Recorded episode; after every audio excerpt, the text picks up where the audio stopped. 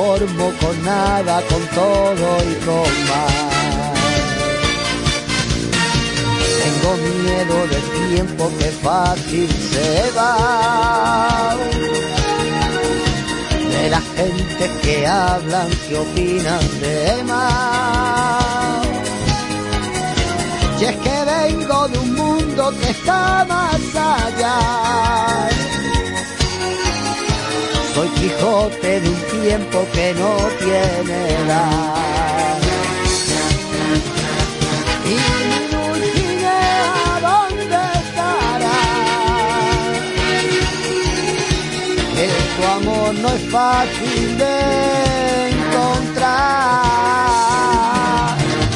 Quise ver tu cara y cada mujer, tantas veces yo soñé que soñaba tu querer, tantas veces yo soñé que soñaba tu querer, tu querer.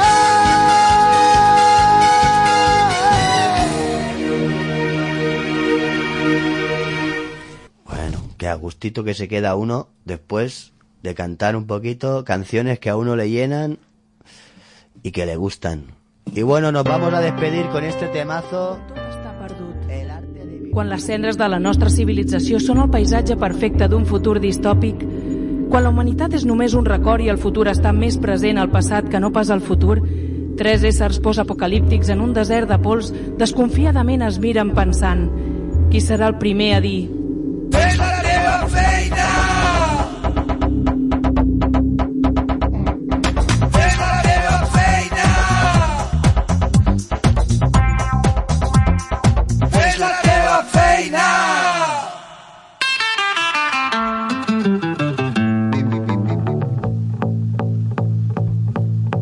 Picture this, I'm a bag of dicks, put me to your lips. I am sick, I will punch a baby bear in his shit. Give me lip, I'ma send you to the yard. Get a stick, make a switch. I can end the conversation real quick. I am crack, I ain't lying. Kick a lion in this crack. I'm the shit. I will fall off in your crib, take a shit. Hit your mama on the booty, kick your dog, fuck your bitch. That boy dressed up like you Santa and took pictures with your kids. We the best, we will cut a frowny face in your chest, little wench. I'm fresh, I'm a mensch. Get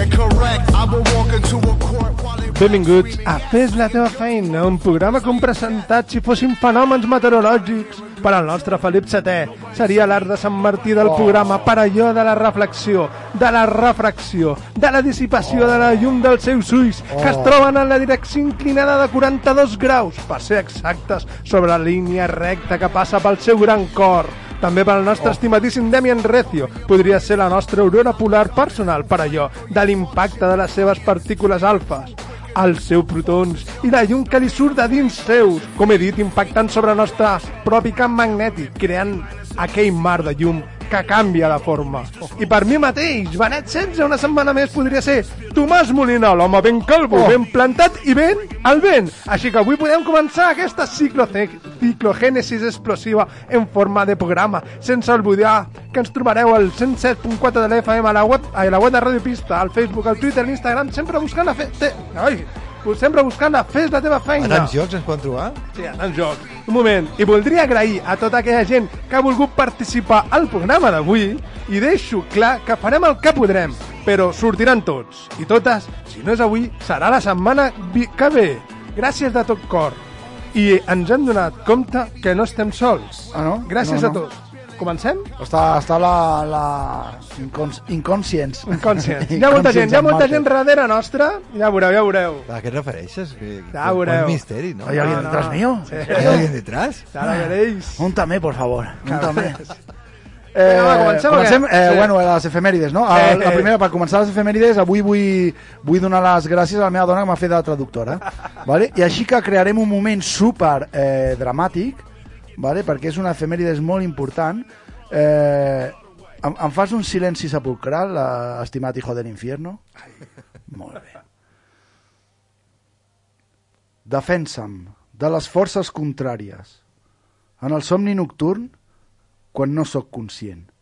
Quan el meu camí es fa incert. I no em deixis mai més. No em deixis mai més. Torna'm a les parts més altes, a un dels teus regnes de calma. És temps d'escapar d'aquest cicle de vida i no em deixis mai més, no em deixis mai més. Perquè els gaudis del més profund afecte o de l'anel més sutil del pols són només l'ombra de la llum.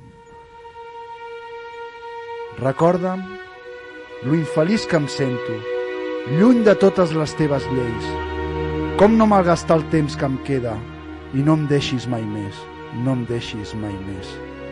Perquè la pau de certs monestirs o l'harmonia vibrant de tots els meus sentits només són l'ombra de la llum.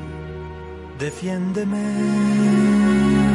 de las fuerzas contrarias en el sueño nocturno cuando no soy consciente.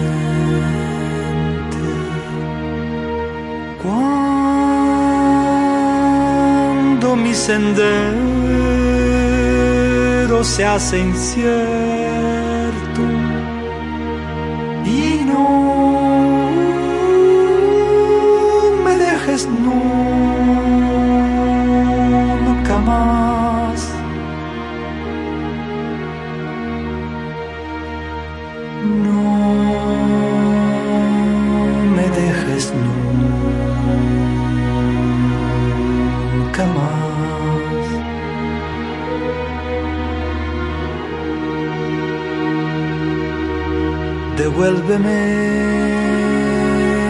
A las zonas más altas, a uno de tus reinos de calma.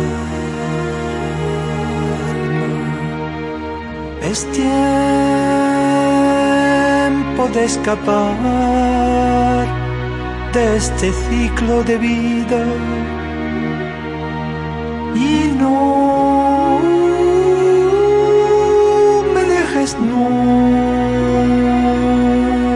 nunca más.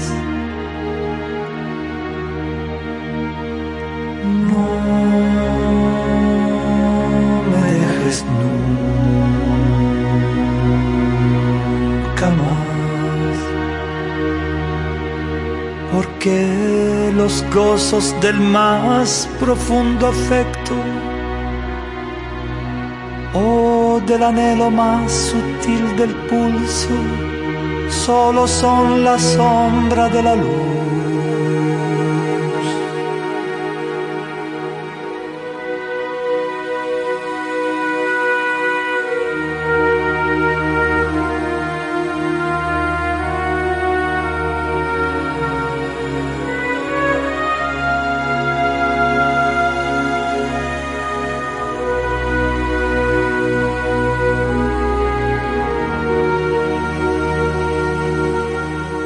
Recuérdame lo infeliz que me siento, lejos de todas tus leyes. ¿Cómo no malgastar el tiempo que me queda? Y no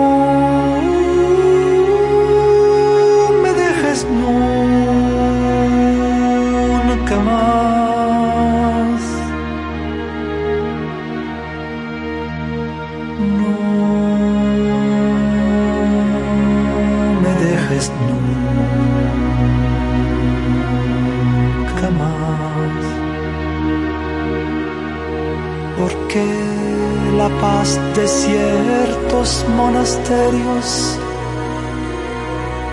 Oh, la armonía vibrante de todos mis sentidos solo son la sombra de la luz.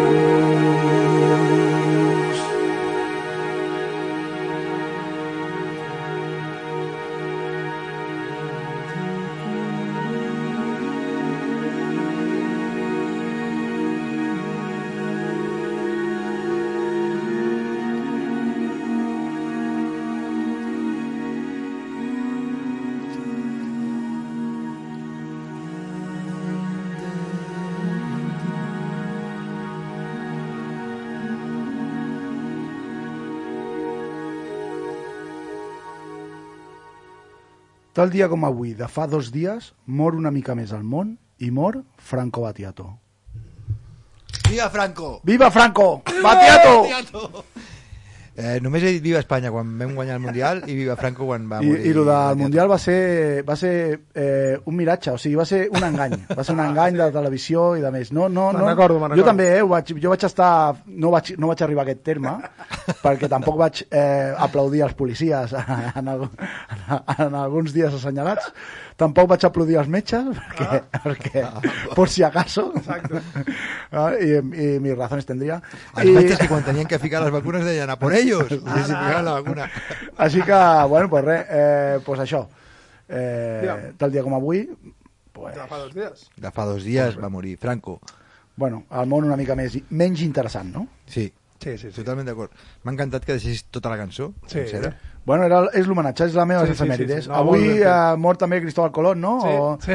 Y alguna cosa més, la que- armada que invencible se arma para salir, pero escucha, ¿me entiendes? Ha muerto, ha muerto. Franco. ¿sabes? ¿De qué sirven las guerras cuando No ha lo que hay es el reino de la fantasía por delante? Ara, ara, ara.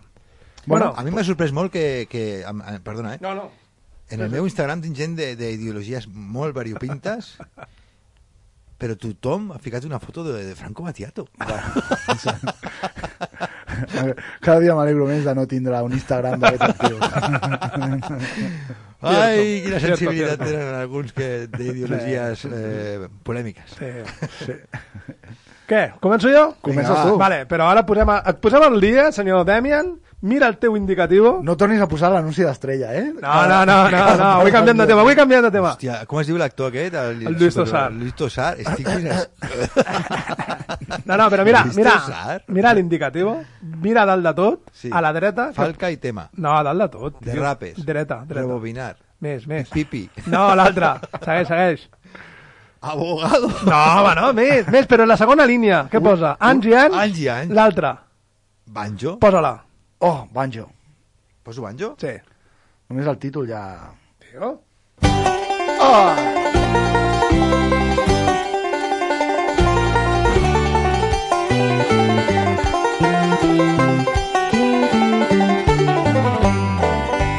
Ja ho vaig dir jo la setmana passada com em posen els, els nens prodigis to tocant el banjo. És la meva entradeta. Aquí está la ley. Después de Aquí. este momento dramático de Franco Battiato, El niño del mango. Has entrat a- amb, amb pantalons curts, sí o no? Sí. Vale, ara em has de posar a l'U negre. A veure, un, un, aquest còdic no el segueixo. Uno negro que... Ah, va, vale, vale, vale, vale. un, un negre. Un negre. Posa'm un negre. Desde Washington. Some things in life are bad. They can really make you mad. Quin bon rotllo. Make you swear and curse. When you're chewing on life's gristle, don't grumble, give a whistle. And this'll help things turn out for the best. And always look on the bright side of life. Us adoneu que es pot estimar molt odiant? Sí. Ni- Ningú recorda un negre, no?, la vida de Brian. No. Però bueno, tampoc a los suaves ni a The Cure. A The Cure hi havia un. Sí, i a los que suaves tenia, també. un, que tenia una, un gran futur a la banda. Bueno, When you're Ah, no, no. bueno, ara sabeu el títol d'aquesta pel·lícula? La vida de Brian. Sabeu. M'he saltat dos fulles del guió, perquè anirem al tema, anirem a lo que hem d'anar. I ens sabríeu dir de qui és aquesta pel·lícula? Monty Python. Monty Python. Vale, i teòricament aquests són els Monty Python i no són una, un llenguatge de programació, vale? i que són també coneguts... Puc fer una petita interrupció? Sí, però m'has de posar la, la 3, eh, després? La 3 negra. La 3, el, ter, el tercer I negre. la 2 negra què? No, la saltes. Sí, me salto dos fulles, anem al gra. Anem al gra. Vas a saco, no? A saco. Tina Turner, Beyoncé i. Whoopi Goldberg. Vinga, va, què volies dir? Uh, jo em quedo amb Denzel Washington, uh, Morgan Freeman i Will Smith. Oh! Tres negres, no? L'altre dia vaig veure... Hi ha un documental de Terry Gilliam que formava part de Monty Python. Eh, hi ha un documental molt famós que és Qui mató a Don Quijote i que està superinteressant, que, és, que és, és totes les penúries que va passar per fer la pel·lícula I ara han fet un segon documental, perquè el primer va tindre molta fama, però vamos a hacer otro. és una mica molt més, és una mica més sensacionalista i populista, és una mica més de, de Vox, saps? amb música dramàtica i, i efectes, però està molt bé, és maco. I es veu un Terry Gilliam fet caldo, un Terry Gilliam que havia filmat pel·lis com 12 monos, eh, El rei pescador o... Uf, El rei pescador. El rei pescador, quina gran pel·lícula, no? Sí, senyor. 12 monos, El rei pescador i la més gran per mi, Brasil. Brasil, quina pel·lícula. Brasil. Antisistema amor. Rei Pescador ja va començar la debacle de... de... La, del Robin Williams. Robin Williams. Allà va, se li va girar alguna Allà cosa. se li va girar algo i dir, estoy triste, estoy triste. I quan va sortir desenfocat a la pel·li de, de Woody Allen... De Woody Allen, allà sí. ja- Bueno, pues un personatge que havia rodat aquelles pel·lícules jo he llegit crítiques que deien que Terry Gilliam no tenia capibuda a, al segle XXI perquè la seva fantasia no tenia cabuda i per això a partir de la pel·lícula que va fer el Baron Munchausen que per mi és el Quixot de Terry Gilliam eh, deixaven de financiar-lo i va filmar el Quixot amb molt pocs diners en el Festival de Cannes eh, van estar 20 minuts aplaudint una pel·lícula que era bastant dolenta la del Quixot perquè ja la va filmar malalt, Sí, sí, sí. senil i, i molt malament i fa una tristesa el documental veure un personatge tan gran, tan, tan romàntic i tan somiador rodant sobre Don Quixot, que era una, el seu alter ego, al final. Ell- ell mateix. Ell mateix, Ell mateix. Sí, sí. La seva biografia. La seva biografia. Bueno, ho deixo aquí. Cap problema. Perdona. Ens truca la 3. La 3? Perquè tres. estem parlant de, de Monty Python, eh? A veure si se'n recorda d'això. ¿Cómo estáis? Bien, ¿y tú, buena mujer? Eh, soy Arturo, rey de los bretones. ¿De quién es aquel castillo? ¿Rey de quiénes? De los bretones. ¿Quiénes son los bretones? Todos nosotros, todos somos bretones, y yo soy vuestro rey. No sabía que tuviéramos un rey, creí que éramos una colectividad autónoma. No te engañes. Vivimos bajo una dictadura, una autocracia que se autoperpetúa y en la que las clases Ya obreras- estás otra vez a vueltas con las clases. Es que ese es el problema. Si el pueblo Por supiera favor, por favor, buena gente, tengo prisa. ¿Quién vive en aquel castillo? Ahí no vive nadie. ¿Y quién es vuestro señor? No tenemos señor. Què? Bueno, aquest era un tros de la pel·lícula de Los Caballeros de la Mesa Quadrada per posar-nos en context de qui són els Monty Python, vale? Vale, ara sabríeu dir-me quin és el fet principal de la pel·lícula anterior, és a dir, la vida de Brian? Quin és el fet? Què vols dir? Sí, sí, de què va? No, és el fet, el, no de què va, sinó el fet principal d'aquella pel·lícula. És la, mal, la malaltia aquella de viure un moment a la vida, però a la història, un moment històric, però en segona, En segona, terme. no? Sí, més o menys, més o menys. No és la, no és la vida de Jesucrist, la vida de Brian? Sí, sí, sí, sí. Bueno, del vecino, ¿no? El vecino. vale, és... Ara ve, quan començo jo, mi tema de hoy. No me oigo, ara. Perdó, Estoy, te estoy. No, no, no, no, no. Ara és quan comença el tema de veritat del programa d'avui. El naixement d'un ésser humà a través de la fecundació in vitro d'un ocell a un ésser humà. ¿Cómo, cómo? Vale, hombre, eso es la emancipación. Bueno, bueno, bueno. Cuando, És a dir, cuando las aves se emancipan. Emancipan. és a dir, Me voy a follar con una virgen. bueno, arribem en aquell dilema, aquella fal·làcia, en aquell círculo vicioso en el qual s'intenta provar l'existència d'una cosa mitjançant una segona cosa i aquesta segona cosa mitjançant la primera cosa, és a dir, el que he dit abans, un círculo vici vicioso que acaba sent una pregunta d'una sola resposta i m'has de posar la 4. La 4 negra. Sí.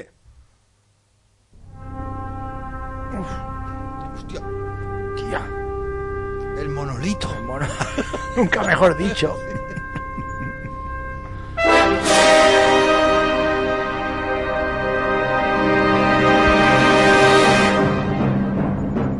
L'altre dia parlàvem d'un grup de persones minoritàries que en Lluís Tossarri, el director de l'anunci de Boildam, van discriminar perquè parlaven d'un aliment fet pels déus, amb ceba. Parlo de la gent que menja o es fa la truita de patates sense ceba. Per si no havia quedat clar. Doncs avui, avui volia posar en dubte la nostra doctrina, sostinguda per una, una religió o una altra organització d'autoritat que no admet rèplica, és a dir, una creença individual o col·lectiva no subjecta a la prova de veracitat, impulsat per un l'autoritat pràctica. Avui afirmarem o negarem aquest dogma. Avui hi haurà gent que serà negacionista i gent dogmàtica. Está, está de moda el terma, ¿no? Yo a- ahora para la moda me soy del Barça femenino. Espera, espera, espera. Espera, espera. Àlex, eh... No, no, no, que necessito la música. Ai, perdona, perdona. Ah, Necessito la música. Sigue ahí, sigue ahí. I m'has de posar les 5 ràpidament, eh? No te pongas morcillón, sigue erecto. No, no, escolta, que vull, que vull amb aquest vals. Així que vaig demanar l'ajuda en el nostre oràculo personal. I l'únic fins al dia d'avui. I ell em va donar una resposta. La resposta a la meva pregunta. Posa la 5. Hola, estimat triumvirat de l'imperi radiofònic. Soc en Ferran, el vostre oient. Possiblement el vostre únic oient. Sí. A la pregunta de l'Àlex, què va ser primer, l'ou o la gallina? La resposta és fàcil. A l'ou. Una gallina només pot sortir d'un ou de gallina. I vos em direu, pues és que resulta que la mare no era una gallina. De la mateixa manera que la mare d'una mula o d'un mul no és una mula o un mul, sinó que és una egua o una somera, que està embarassada d'un mul, està embarassada d'una espècie diferent. Per tant, això. Primer va ser l'ou i després d'aquest ou va sortir la gallina. És, és, és un puto dios. Sí, ho he entès tot. Ha dit que eh, jo, jo sóc un, un nul, però amena, eh? Això és el que he entès del discurs que ha dit. Totalment. Bueno, doncs això ve de llarg. En l'any 384 abans de Crist, Aristòteles, per qui no conegui aquest home, era un filòsof polímata, científic, nascut a la ciutat d'Estagia, al nord de l'antiga Grècia, i és considerat un dels pares de la filosofia occidental, junt Plató. I ara em poses el 6, per favor. 6 negres. Oh, hòstia, això és més difícil cada vegada. Sí, Hola, Àlex. Soc la Paqui, la mare de l'Aitor. Per No. mi, primer va ser l'ou, perquè tots els éssers vius venen dels ous que es van anar desenvolupant a partir de fa milions d'anys. Gràcies, Àlex. Adeu. Bon dia. Hola, sóc Rosa, la mare de l'Àlex. El problema de l'ou... Què està passant? Ho tenia que deixar o no? Sí. Perdona, Sí. perdona. Hola, Àlex. No. Soc la Paqui, la mare de l'Aitor. Per És mi, estan juntes. primer va ser Sí, sí, estan juntes, estan juntes, Perquè tots els éssers Que guai, la meva mare venen dels ous que es van anar desenvolupant mama. a partir de fa milions d'anys. Gràcies, Àlex. Adeu. Bon dia. Hola, sóc Rosa, la mare de l'Àlex. El problema de l'ou i la gallina, qui va ser primer? Segons les escritures, la, va ser la gallina, però per la meva opinió penses, a l'ou, sense ou no hi ha gallina, i sense gallina no hi ha ou. Per tant, vosaltres mateixos. ¿Que qué va ser, l'ou o la gallina? Pues la gallina, totes les mares ho saben. Que està la meva mare. Sí, senyor. I a més, eh, tinc, tinc molt, mogollon d'àudios. És a dir, que em, em deixareu parlar, no? Podeu tallar, eh? Podeu tallar el que vulgueu, però em deixareu parlar, no? La meva mare no volia fer, però el que ha dit està bé. Totes les mares ho saben. Totes, totes les mares ho saben. Són les que guarden les coses. I les troben, i les troben, important. Bueno, doncs Aristòteles afirmava que el, que el, primer, va, que el primer que va existir va ser la gallina, perquè el fet precedeix a la potència. En l'època de Pultraco, històric biògraf... D'aquí, Pultraco? Pultraco. I què feia aquest tio a l'escola? No ho sé. Però és histo historiador, biògraf i també filòsof moralista grec. En l'any 46 després de Crist va comparar una cosa tan simple com l'ou i la gallina amb la creació del món i l'univers. En total, que ens setmana per les branques. I Plutarc. enxufa la set. Perdona, és Plutarco, eh? Que m'ha sonat tan... Plutarco. És Plutarco? Ah, Però, però Pultraco... era? Pultraco mola. Pultraco mola. Quan l'he escoltat pensava, no es diu així, i pensava, com es diu? I no recordava com es deia perquè és tan diferent la... Per això que no, no arribava a, a, a concebre quina era la paraula. Però Hòstia, m'ha costat molt, eh? I ara ja m'he quedat en Pultraco. Pultraco, que es eh, eh, el potrillo de el potrillo de, de Girandón, eh, el loco de, del cuadrilátero. Pultraco. Que és la pel·lícula de Clint Eastwood, no? Eh, la set. La set negra. La set negra. Ahí salí ese filósofo, el Heleno. Hola Aitor, hola Agles. Mira, soy la Nancy de aquí del bar restaurant Nani de los Hostales de Baleñá, en la calle Joan Miró número 42. Bueno, ya vosotros me conocéis y mucha más gente. Mira, mm, no sé, yo soy de la idea de que primero va el huevo y después la gallina. Te digo el por qué. Porque de primero yo pongo arroz a la cubana y lleva huevo. Y de segundo pongo pollo a la brasa. O sea que primero huevo y luego la gallina. ¿Vale? Ahí lo dejo. Besitos guapos. Y gracias, ¿eh? Gracias por vuestro programa. Un besito. La, la millor filosofia de vida Hola, és pràctic. doncs jo opino que va ser abans l'ou que la gallina. I el per què opino que va ser abans l'ou és per un tema de, de tamany. Si l'ou és més petit que la gallina, ha de ser primer l'ou que la gallina. Aquesta, aquesta gent són, són oients nostres. Qui era l'última? Estefania es diu. Ah? Estefania i és oient nostre de- d'aquí del poble, clar. És a dir, tota la gent que sortirà són oients. I el que ve ara... En sèrio? Sí, per I això. que els vas, els, vas, els vas a buscar? O com Sí, va? els vaig amenaçar. Quan trobis alguna soltera me la Vale. M'encanta perquè la nostra primera oient ha, ha seguit un mètode pràctic, no? Sí. que és, eh, com que jo la meva pràctica, eh, la meva feina, i faig primer... A l'ou que, la, que el pollastre? No? pues, clar, eh, ha de ser primer l'ou i després la pollastre. I després l'altre és una consciència d'espai, no? Sí, De- I és, és un mètode matemàtic Més gran per més petit? concebre aquest dilema que tenim Bueno, present. sí, sí. Em sembla perfecte. El Stephen- segur que diria... Eh, primero me vaya y luego ir a ir a los huevos. Pues res, a Stephen Hawking també li van fer aquesta mateixa pregunta En mentre... En sèrio? Sí, sí, sí. Mentre s'informava sobre els forats negres. I ell va dir sense donar més explicacions que l'ou. I ja està. No hi ha, Me'n no hi ha... sembla perfecte, des de la cadira, no? El huevo. I aquesta, I aquesta resposta de Hawkins va treure moltíssimes teories. Enxufen la 8. Aquest noi que ens, que ens surt ara és de Centelles i flipareu, eh? La 8 rosa, vinga. No, rosa no. Josep Antoni Fernández d'Arenas, de Centelles. Eh, el que et demanaves, que primer que era, doncs jo diria que primer és la gallina i després l'ou. No sé si ho adivino o no. Oh, hola, sóc en Miquel i penso que primer va anar la gallina. Bueno, són, són oients. El primer Josep Són Antoni. oients o gent que t'has trobat? No, no, no, és, ens escolta, eh? m'ho ha Sí? dit, m'ho ha dit, que ens escolta, el, des de Centers ens escolta. Ell, t'ho dic en sèrio, he flipat. Jo també. Sí, yo también. está. Eso sería como atravesar la frontera. Ai, ¿no? ai. Però bueno, seguim amb el que anàvem. Hawkins, bueno, li van treure, d'aquesta resposta de Hawkins van treure teories com un huevo es un huevo de gallina si en su interior lleva un pollo. De la igual manera, si un canguro pusiera un huevo y, salie- y saliese un avestruz, el huevo sería de avestruz y no de canguro. I enxufa'm la nou. Bon dia, sóc la Berta. A veure, qui va ser primer, l'ou o la gallina?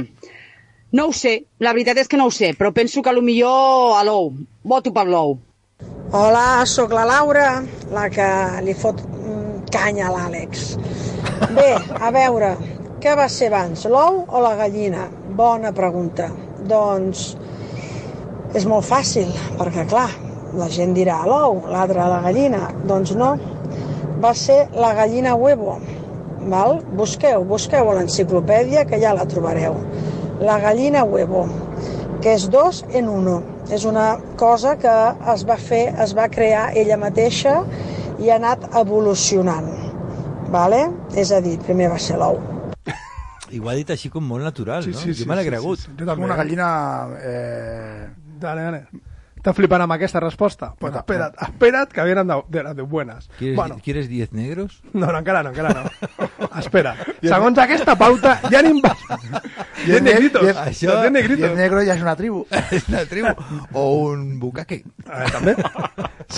Segons aquesta pauta, hi ha investigadors que han observat una gran varietat d'ous i no parlo dels sanitaris especialistes en urologia, on han, on han obs- observat les formes i tamanys i han arribat a la conclusió que hi ha una gran correlació de, molt forta entre l'habilitat de, ai, de volar i la forma de l'ou.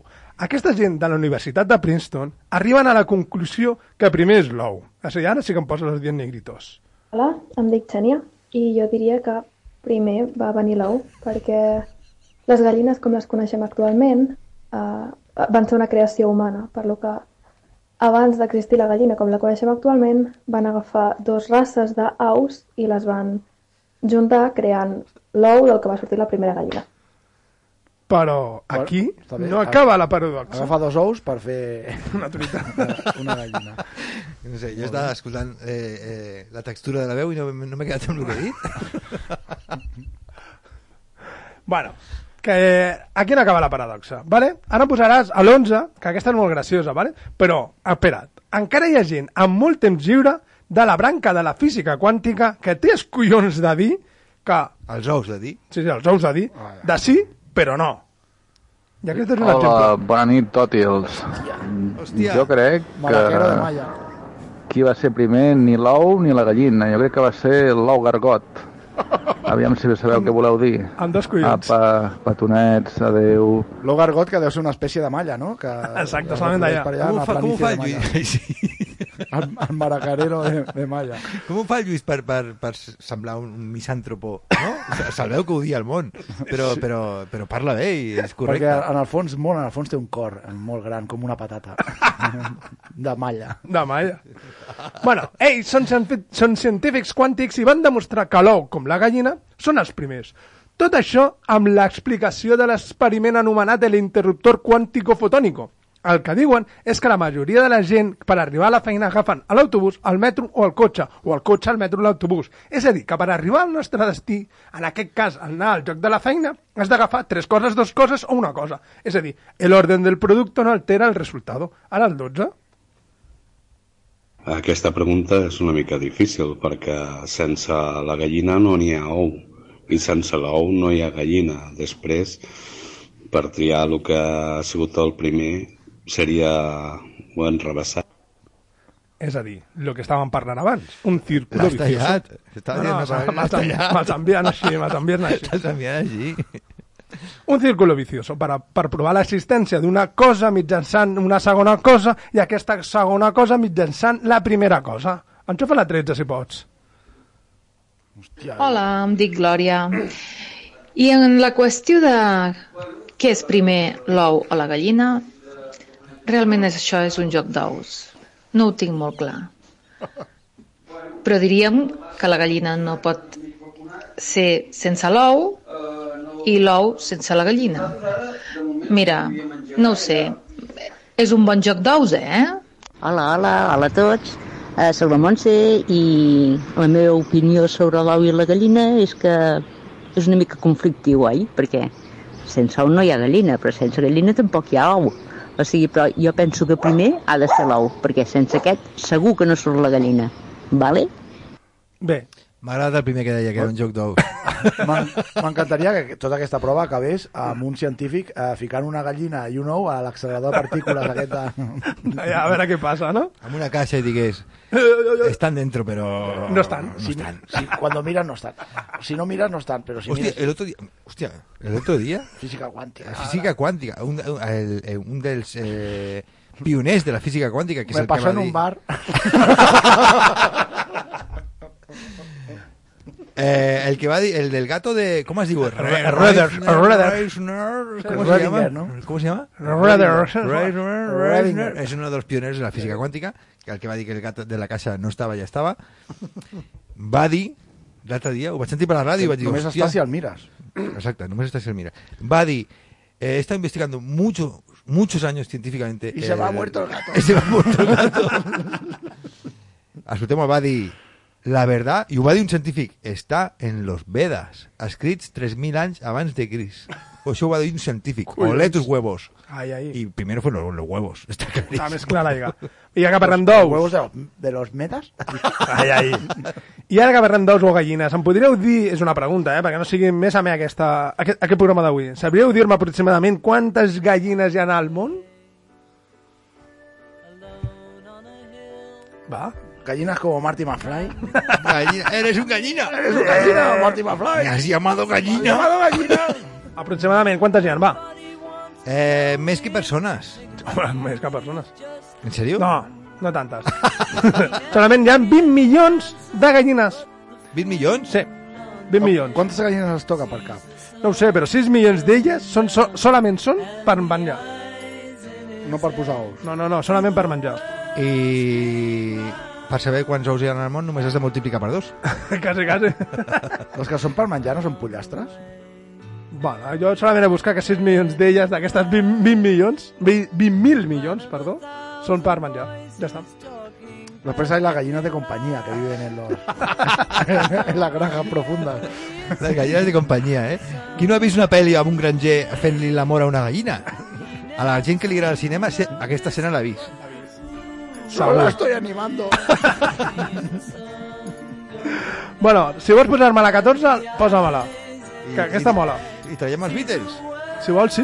No deixa'm els de fons, que no té la música, lo de... Pots posar les dos, eh? Home, aquest disc, aquest disc és mític, eh? Però va, anem a posar 14 negres. 14 negre. Ara que, ara que jo cantava la flauta. Hola, bona nit. Soc la Sònia. Jo penso que abans de l'ou hi havia una gallina i abans d'aquesta galli- gallina hi havia un ou. Llavors, així, si anem cap enrere, cap enrere, no acabarem mai. Per tant, arribarem a l'infinit, a l'infinit, bueno, es complica la cosa molt, i infinit i més allà. Bona nit.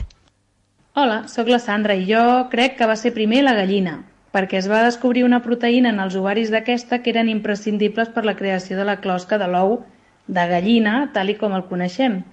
Ara bé, la primera gallina devia néixer d'algun ou en l'evolució dels dinosaures, però no dels ous de gallina tal i com els coneixem avui en dia. ¿Veis, veis- veis el peso que toca aguantar en mi casa? Hombre, pero por fin una respuesta, por Lógica. fin una respuesta lògica. Clar, però el mètode científic per gairebé totes les coses de la vida diària és... Eh, Hola, què tal? T'estimo, carinyo. Ai, ara, ara, ara. Vale, vale. A bueno arribaré bé.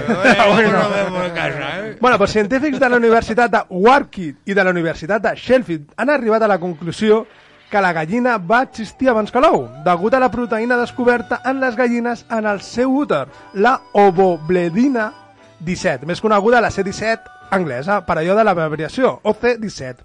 La seva funció és la deformació de la closca de l'ou, ¿vale? Com us heu quedat? Oh, que pasáis la C17 me parece increíble. pues bueno. Àlex, Àlex, Àlex. Saps que el món no és rodó ni pla, No, sinó no. que és ovalat? Pues ovalat, exactament. Espera't un moment, un moment, que ara ve, per mi, el millor tall que m'han enviat a, a aquests dies. Vale? A veure si és veritat. Sí, sí. Doncs, com he dit al principi, sempre estem parlant de, de persones minoritàries, de grups minoritaris. Així doncs, hi ha una queixa en tot això, perquè, com he dit, hi ha un col·lectiu minoritari que, que està afectat per este círculo vicioso. Enxufa la 15. Los mamíferos? Hola, molt bona tarda, amics de, de Fes la teva feina. Eh, mireu, sóc el Gai Leri, secretari de la gallina Pia, que és la síndica, com ben sabeu, la síndica de greuges gallinacis i mare del eh, insigne també Pollito Pio. Eh, en nom d'ells eh, i de tot el col·lectiu de gallines estressades o felices, eh, vull demanar que s'acabi amb aquesta polèmica absurda que només fa que enfrontar-nos amb els nostres ous i, i que al final sempre s'acaba eh, formant un pollastre amb aquesta polèmica. Eh, apostem pel tema inclusiu en el nostre col·lectiu i creiem que aquesta lloguesca immemorial deixa al marge gallinar eh, a insignes personatges de la nostra espècie, com la gallina caponata, la gallina turuleca o la gallina blanca mateixa. Eh, quan es parla d'això es senten excloses, és normal, perquè clar, elles no poden posar ous. Eh, I si, clar, si, si parlem de la gallina i l'ou, elles són gallines, però senten que realment ja no tenen el protagonisme que tenien i la importància que han tingut abans perquè com que elles no posen ous doncs ja saben realment que no estan parlant d'elles eh, bueno, estan a punt de, de caure en una depressió i, i clar i sisplau, sisplau deixem ja el temita perquè, perquè té tela eh? A veure, és l'opinió que més m'ha agradat, eh? Sí, sí, sí, molt bé. Eh, bueno, sense cap mena de dubte, eh, Puto amo. clar, hi ha gent afectada per aquestes Sí, polèmiques. sí, no, no, no, no, hi ha gent afectada. Bueno, animals afectats, Sí, no? animals en aquest cas. El síndic de greixes Gallinacio. Ahí, ahí. Sembla perfecte, tu. La gallina pinta, no? Sí. Com, he, com hem demanat, com he dit, m'hi he dit, hi ha molta participació vale? i seguirem escoltant les opinions de la gent que ens ha, que m'ha fet arribar vale? d'alguna manera el, el, les seves idees i les seves Avui t'han fet el programa, eh, Àlex? Sí, sí. No fet la meva feina. A veure, Vale? en la tradera la gent durant dos setmanes... Dos setmanes allà. Y yo aquí recitando poemas de... Eh, Franco, vaig a dir Franco. Però hem de dir, hem de dir i hem de posar en dubte la nostra doctrina sostinguda, com he dit al principi. Com, hem, com he dit al principi, va- vale? Avui, com he dit, Un huevo, un afirmarem, huevo, diría un huevo. afirmarem o negarem aquest dogma. Avui hi ha gent, com he dit, que serà negacionista o dogmàtica. I abans de seguir, m'agradaria saludar el Roman, que és un pesao, ¿vale? que no m'ha fet lo de, la, lo de la gallina, ¿vale? Así, que lo digo por si acaso me está No escuchando. t'ha fet lo de la gallina? No. És una postura? Sí. O sigui, ell, ell, per exemple, no vol opinar d'aquest tema, no? No, no, el Roman no vol opinar, és el nostre il- il·lustrador. Il·lustrador, bueno, el nostre... El quart fet la teva feina, Sí, no? sí. El quart en la, en la oscuridad, en el la cuarto oscuro. en el cuarto Bueno, el cuarto oscuro. I avui continua el meu programa, sisplau. Posa'm les 16, que aquesta t'agradarà a tu, també.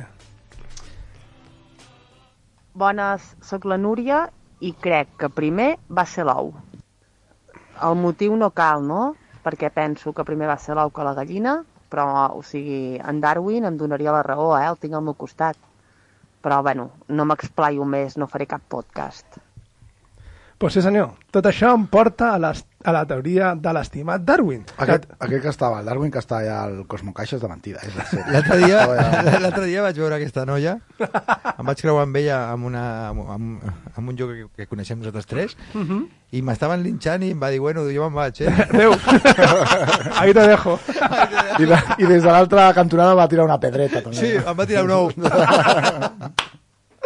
Pues res, seguiré amb la teoria de les espècies de Charles Darwin, perquè segons diuen, Darwin també es va fer aquesta almenys, pregunta. El, perdona, almenys es va ficar amb el mòbil filmant com, em, com el linxaven. com, ahí, com t'hinxaven. Això sí. Vale, però es va fer aquesta pregunta, si que era primer l'ou o la gallina. Vale, I ell va dir que primer va ser l'ou, i dins de l'ou va formar, es va formar la gallina. I ara enxufen la 17, que aquesta és molt important també. Hola, molt bona tarda. Sóc en Joan Iglesias, un dels directors d'aquesta fantàstica emissora que és Radio Pista i també sóc director del programa Torre de l'Aire, que s'emet els dissabtes al matí de 10 a dos quarts de dues al 107.4 de la FM. I sobre la pregunta, què va ser primer, l'ou o la gallina? No tinc cap dubte, segur, segur, segur, que va ser l'ou. Que el que hi havia abans era una gallina o un antecessor de la gallina? Mm, això ja en parlarem, però que segur va ser l'ou.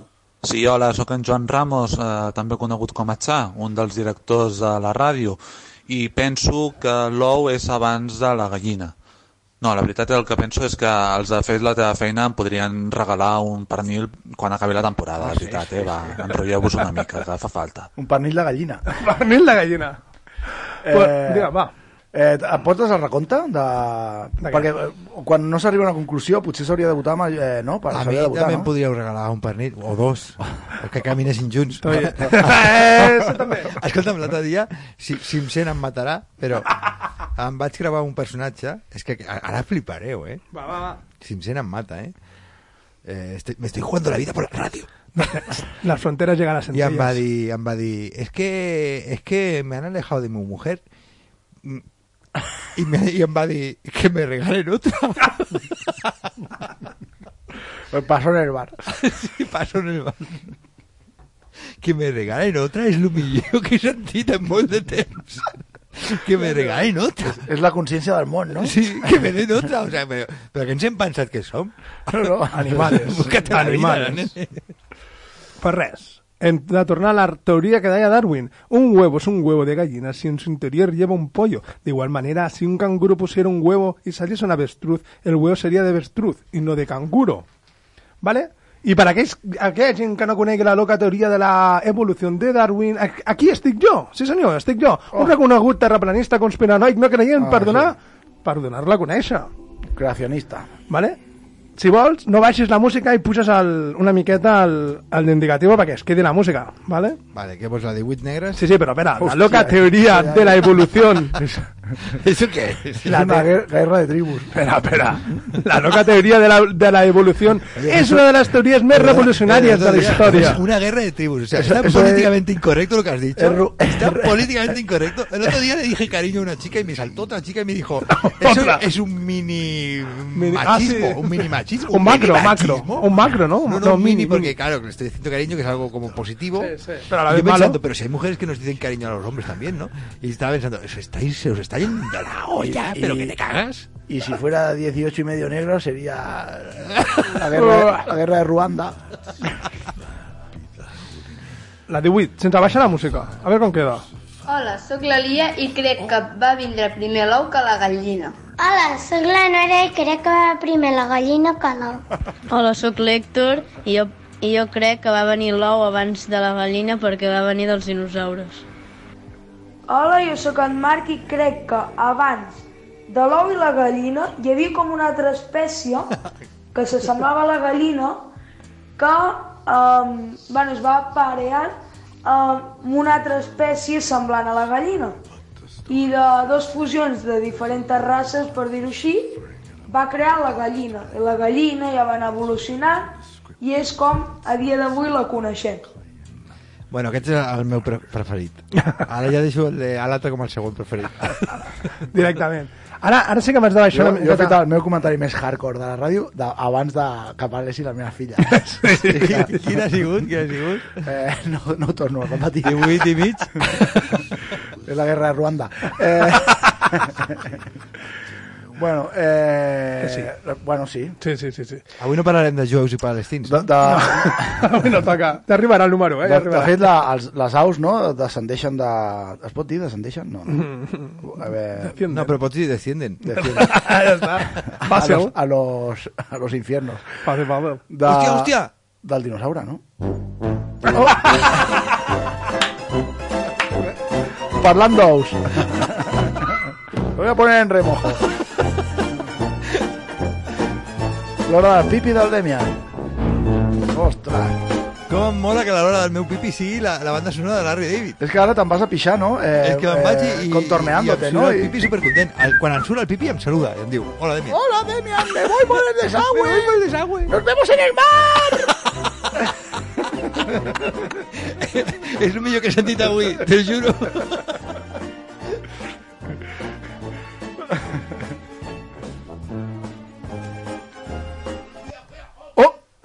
Atenció, acaba de parar la ràdio amb un genoll, acaba de caure, s'està pixant a sobre mentre l'Àlex intenta recuperar el fil de la ràdio. Estic Ningú aquí. està escoltant res perquè el Demian s'ha tret els auriculars, intenta posar un altre cop el cable, és l'Àlex quan agafa el micròfon, intenta apartar els plàstics de Dexter, de l'assassí en sèrie de la sèrie, i atenció, en Demian ja surt corrents amb la tita entre les cames mentre es posa els seus ulls en remull i l'Àlex reprèn el control de l'estimada ràdio.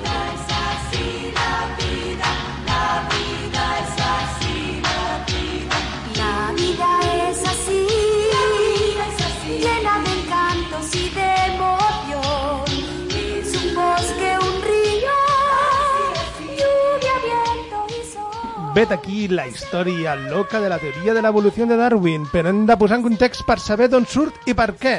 Bueno, tan loca tampoc, no? Sí, ja veuràs, ja veuràs. Al principi del segle XIX dominaven dues teories, la primera anomenada fijismo i la segona catastrofismo. La primera, el fijismo, representada per el conegudíssim naturista suec Carol von Linmeno. Perdona, has dit el pijismo? No, no, naturista. Has dit el pijismo? No, fijismo, fi, fi. Fijismo. Perquè el pijismo... Conec uns quants que podrien ser... Això podrien ser. Vale, vale. Bueno, que mantenia el mateix pensament que l'antic filòsof com Aristòteles, Teofrasto i el mateix Plinio. Vale. Que les espècies s'han mantingut sense modificacions des dels inicis de la, pop, de la pròpia creació. És a dir, des de que Déu Totpoderós va crear el cavall i en cavall s'ha quedat. No hi ha evolució ni hòsties. I ara, ara sentim... Com que a- hi ha evolució ni hòsties. Ja veuràs.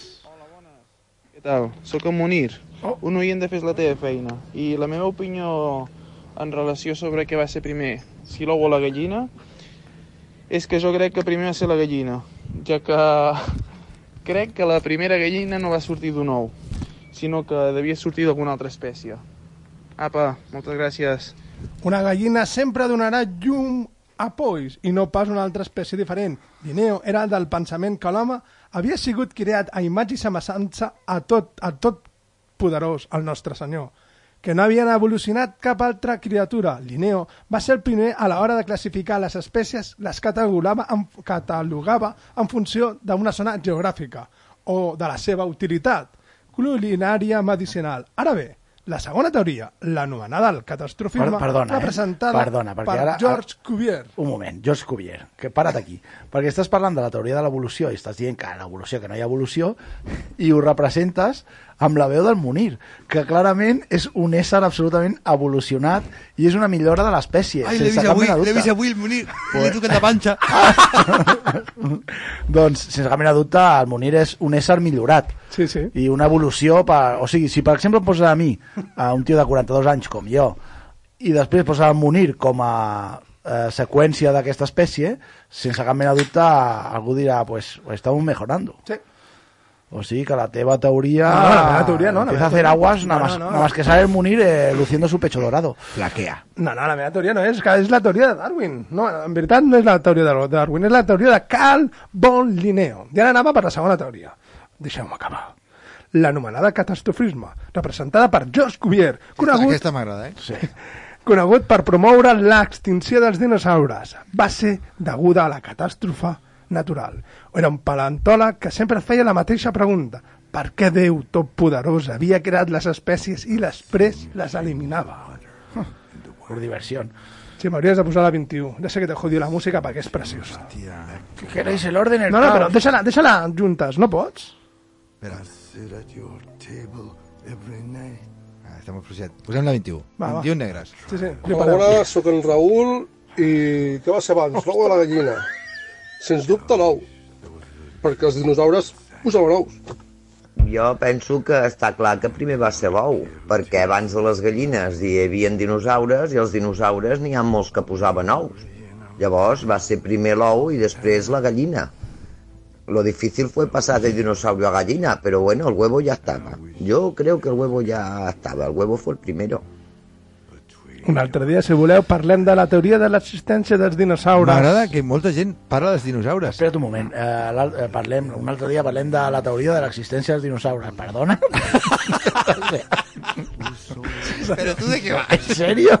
Sí, senyor. Parlarem de la teoria de l'existència dels dinosaures amb la història de la Guerra de los Huesos. Ja ho veureu, flipareu. La guerra de los huesos? Ja ho he dit, ja ho he dit. Passarem de la nostra fe dogmàtica a un negacionisme total. Ho he dit. Ara bé, el catastrofisme, perquè jo segueixo amb lo mío, sosté que durant la història geològica de la Terra havien... Perdona, Àlex. Ocorregut? És que, és que, és que, va que... Cualquier comentario tuyo da, da Da- pie. da pie. Digue'm, digue'm. No, que el Leonard Cohen en aquesta cançó està dient una cosa tan vaga com en aquella època semblava la veritat. Ah. Ara ja no ho és. Eso es lo que pensaba Darwin. Ara, ara, ara, ara arribarem, si arribem, arribarem a parlar de Darwin, ja ho veureu. Les escriptures bíbliques, com la, com la mateixa església d'aquell temps, contribuïen a fer aquestes dues teories que tinguessin un pes important a la societat del moment. Vale? El Gènesis corroborava una nova teoria de Cuvier, ja elaborada per un altre suís anomenat Luis Però Agassiz. Peter Gabriel o Phil Collins? No, no. Agassiz, como el tenista. Como el tenista. Sí, señor. Como ese que, que Eh. parecía guapo pero luego era calvo. Exactamente. Como yo, más o menos. Exactamente. Como nosotros tres. O sea, ahí. De, I deia aquest senyor que era la teoria de les creacions successives. Resumint de nou, el tot poderós havia anat repoblant periòdicament la Terra... T'has adonat que les teories són una merda, perquè, perquè sempre eh, surt un altre que... que, Sí, sí, que te les tumba. Però, però, però com les anomenen, els, el, o sigui, Mola. els, els titulars de, la, de Sí, les sí. teories són boníssims. Mo- molen molt. Sem semblen superimportants. Sí, tens Y la si, si antes dices editado en Nature, Nature, ja flipes. Pues res, el que dèiem, el tot, eh, el tot Déu poderós havia anat repoblant periòdicament la Terra en tandes i no de cop com diuen. I enxufen les 22. Hola, eh, em dic Sergio Salvador i jo crec que el, el primer és l'ou. L'ou amb, amb el concepte de cèl·lula. I és, bueno, eh, segons la teoria del Big Bang, doncs eh, el, les cèl·lules van ser els primers éssers vius existents i amb això tot evoluciona, evoluciona fins, pum, a l'ou. I crec que eh, és l'ou, el primer que va passar, perquè hi ha la típica frase de no hi ha ous, doncs tasca. Jo, clar, la, la, la... com que penso que el món és una merda i, i és el resultat d'un peó pa dentro, que és el que seria el Big Bang, que és una implosió, llavors és un pet d'aquests que t'aguantes cap a dins i clar, al final és una mica de caqueta que surt. M'esteu escoltant? Esteu Sí, parlant sí, entre sí. vosaltres a l'aire i no esteu escoltant Ah, el meu estava xiste? dient que posés la música del Ah, Cohen, tio, que molava con la que deia, Us home. penseu que, que els botons aquests que teniu aquí a les vostres màquines són més importants que la meva opinió? No, no, no, A que no sabeu què he dit? Jo sí. Sí. Però no te la voy a decir. Perquè m'està interessant, realment. Sí, bueno. És que he detallat. Ara, No sé si estaves parlant de botons o de mugrons. Bueno, bueno, ara deixeu-me deixeu deixeu parlar una estona sense interrupcions. Vale? Fins al número 23. No, no. sí, sí. sí. Perquè, al contrari de lo que pensa la gent, la teoria de la evolució existia molt abans que el nostre protagonista Charles Darwin. Ah, jo seu- t'estimo molt, però algú que comença una frase dient al contrari de lo que Sí, sí, penses. no, no, tranquil. Home, soc, soc conspiranoic terraplanista. Ai, ai. Ho sento. Bueno, la teoria de l'evolució existia molt abans que el nostre protagonista Charles Darwin. El seu mateix avi, Erasmus Darwin, ja havia parlat d'ella, així com, així com George Louis Leclerc, com de, de Buffon, que tampoc és amic del protagonista Ni el- ni futbolista. el port- ah, això. De un noble francès Batiato. que ningú havia escrit res seriós respecte al respecte fins a l'any 1809 Jean Baptiste Pierre Antonin de Monet Chelabert de Lamarck Jean Bautista. publica una obra parlant sobre l'evolució de les espècies. En aquesta obra no sols critica el fijismo i el catastrofismo, que, que, que, proposa, que proposa un mecanisme evolutiu. ¿En serio? En sèrio. Les conegudes lleis de la Marc, on ens parla de l'ús a l'ús. Què fue antes, Mafalda o Snoopy? Espera, espera, que ara ve, ara ve una teoria molt bona. La Marc diu que a l'ús desenvolupa a l'òrgan i el desús l'atrofia i que els caràcters adquirits en vida són heredats per la següent generació. I xufen la 23, que està baix i és de color. Am a Prada you are a drama. Ja comencem amb les vostres mariconades. Ara, vinga. Ara, ahí te quedas. Doncs sí, comencem amb les nostres mariconades. Això... Aquesta afirmació, a primera espera, vista... Espera, espera, un moment, eh? Ese era Charles Darwin? No, Charles Darwin, no l'amic, l'amica, Ja l'amica. comencem amb les vostres mariconades. Em sona molt la veu i ara no cal qui és. La Núria. Sí, sí, Ah, també, no? Ja, eh, aquesta ja queda, eh? Ja queda al Això- costat Ja abogado. comencem amb les vostres És, mariconades. és el que va posar al, al teu vídeo que va gravar a sota. Ah, ja te vas a joder. Ah, te jodes. Maricón. Pues res, com deia jo, aquesta afirmació a la primera vista és completament certa i sembla que sigui del mateix Darwin, però puc assegurar que és de Lamarck. Això passa perquè el mateix Darwin, fins al dia de la seva mort, era lamarquista. Darwin era un home que preferia creure en una teoria que no era seva abans que la seva pròpia, si la primera el, el convencia. Però Lamarck... Això el, fa, el, això el fa molt gran, eh? Sí, sí. Però Lamarck estava equivocat i el mateix Darwin ho va demostrar. Recordeu la premissa de Lamarck, que segur que no us en recordeu. A l'ús continuat d'un òrgan fa que aquest es desenvolupi millor i el desús Ara entenc, Eh, ara entenc moltes coses. ara, i el desús el desús no, vale? O la sigui seva que- desaparició O sigui, Àlex, sí, estem dotats perquè, perquè la fem servir molt, no? ara mateix i sí, és així, pensem en un moment en el dit petit Sols, eh? peu. La fem servir molt sols, Sí. però la fem servir bueno, molt. dit d'una por, altra eso, manera por eso el que de tus manos. estàvem parlant d'ous i gallines, en recordeu -se? Sí, sí. No, no, jo també. Dit d'una altra manera, pensem, pensem en una família de culturistes. La seva descendència no sortirà amb músculs. Has ficat una imatge horrible al meu cap. Els nens també? No. Els nens també? No sortiran amb... Amb Si voleu, si voleu riure molt, sab- sabeu què heu de fer? Sabeu que els, musculi els musculistes... Musculistes, m'encanta. els musculistes, Musculistes. estan supergrans del, del que seria el, el sotabràs, no? heu de provar, heu de fer com, com enganxar-li un, una, com es diu allò, un monigote? Un A monigote a l'esquena, perquè no s'arriben, no s'arriben amb els braços. Escolta, perdona, hi ha un llibre de, de Boris Vian, que se mueran los feos. No, eso, eso, eso es de, ¿Eso lo- eso de los brincos. Eso de los brincos, no. Bueno, también puede ser. I... Que se mueran los feos. Que se mueran Na, los na, na, feos. I una pel·lícula, també. També. Eh, el llibre aquest, tothom està genèticament... Eh, bueno, no ho recordo. No sé si estan genèticament manipulats, però tothom era guapo. I els lletjos i era, eh, eren tan exòtics per les dones que se sentien sexualment superatretes, Ah, perquè vale. era la diferència. Ese es el consuelo de los calvos. Es el consuelo. No sé, no sé, porque últimamente que todo el mundo eh, parece la misma persona, con el mismo peinado, con, con las mismas, con los mismos pectorales. Y arriba es tu coche. Y, Y y arriba el coche, y en la- dents, y en la pancha de la cerveza Y con un ojo abierto, otro cerrado. Y... Y piensan, ¿cómo debe ser estar retozando con este individuo? retozando, qué palabra, ¿eh? Mira cómo refuerzo mi órgano. Porque este ha reforzado su órgano durante toda su vida, solo. Ara, ara, solo. Lo que parlàvem. L'ús continuat d'un òrgan fa que aquest es desenvolupi. Déjame, déjate de huevos ni gallinas. Lo tiene. Perdona. No, res. L'ús de continuat d'aquest òrgan fa que, que es desenvolupi millor i el desús no. Vale? La seva desaparició. És així de clar. Bueno, pensem en una família de culturistes, com estaven dient, la seva descendència no sortirà amb els músculs. familia, Passa eh? amb el mateix. Con los niños. Los hijos también. ¿no? Passa el mateix. Bueno, Me'ls imagino als 5 o 6 ¿Qué o es- 4 en el ¿Qué es peor, una familia culturista o de mimos? A ver, Todos de, iguales. de culturista, ya te digo yo. Bueno. Una familia de mimos da miedo, pero Sí. mola. Exacte. Però també passa, també passa amb els matemàtiques, amb els matemàtics i els físics, ¿vale? Vale, entonces, les teories de la mar no tenien una base experimental, eren de pensament. Però tallar-los la cua en, en forma d'experiment, sí, sí. Tallar-los la cua en forma d'experiment a unes rates durant un període llarg de temps no va demostrar que disminuís progressivament la cua dels seus descendents. Yo no penso cre creure en una persona que li talla la cua a un animal. Jo tampoc. Vale?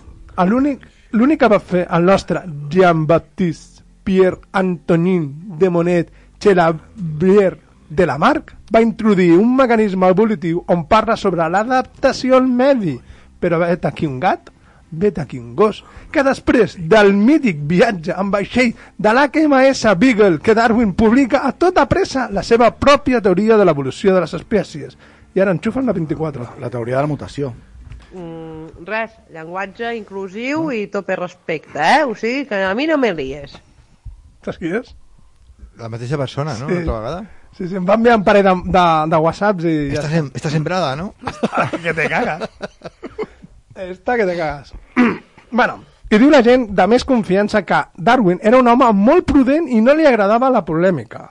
Però sense perdre el temps publica amb faltes d'ortografia... Molt prudent, Darwin. Sí, sí. Amb faltes d'ortografia, la seva teoria abans que el seu nom no fos oblidat en pro d'un altre britànic naturalista. Això t'ho ha dit un terraplanista, no? Digues que Darwin feia faltes d'ortografia.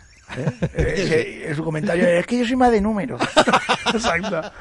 Vale? Que no... Bueno, li va, va ser que sortís primer el seu nom que no el d'una altra, altra persona, que va ser l'error de fer-li saber al Charles Darwin que anava a publicar per la ciència la seva pròpia teoria evolutiva. I com he dit, Darwin, pensant que no passaria a la història com l'home que era, es va apressurar a publicar la seva teoria, com he dit, un home molt, molt prudent i no li agradaven les polèmiques.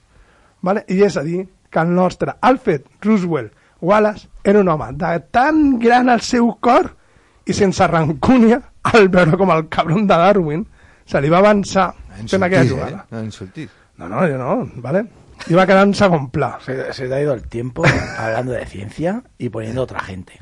Que no, que no, que és verdad, tio. S'ha s'ha acabat el programa? Sí, s'ha acabat. el programa, sí, tío. Però bueno, abans de, abans de, abans de marxar, haig de dir que la setmana que ve o l'altra, com vulgueu, on deixeu, explicarem, ¿vale?, lo que és la teoria de l'evolució de Darwin. Perquè, en poques paraules, i per als terraplanistes, som un error evolutiu. I ho va dir el Darwin. Vosaltres, no? No, no, tots. Ah, nosaltres? Sí. Ah, vosaltres no, no, no, no vosaltres sols, no, tots. Tots. Bueno. Vale? Sí, sí. Cançó de despedida? Vamos a acabar bien. Sí, sí. sí, sí, sí. El señor Marmota, ¿no?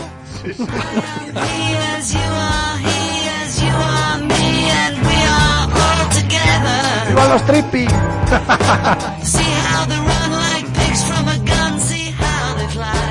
¡Vivan los soñadores que nunca aprenden!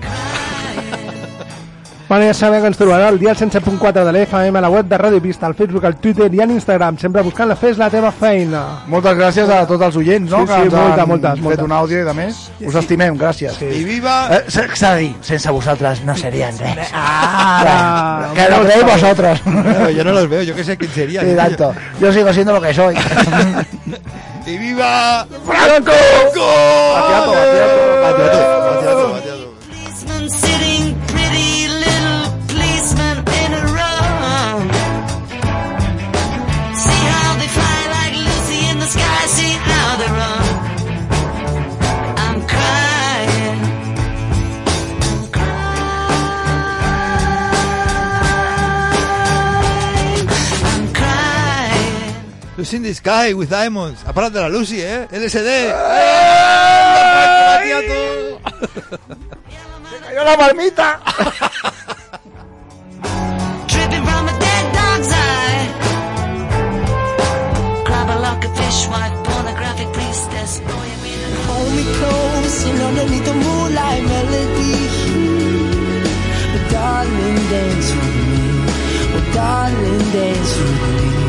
Oh, darling, dance with me.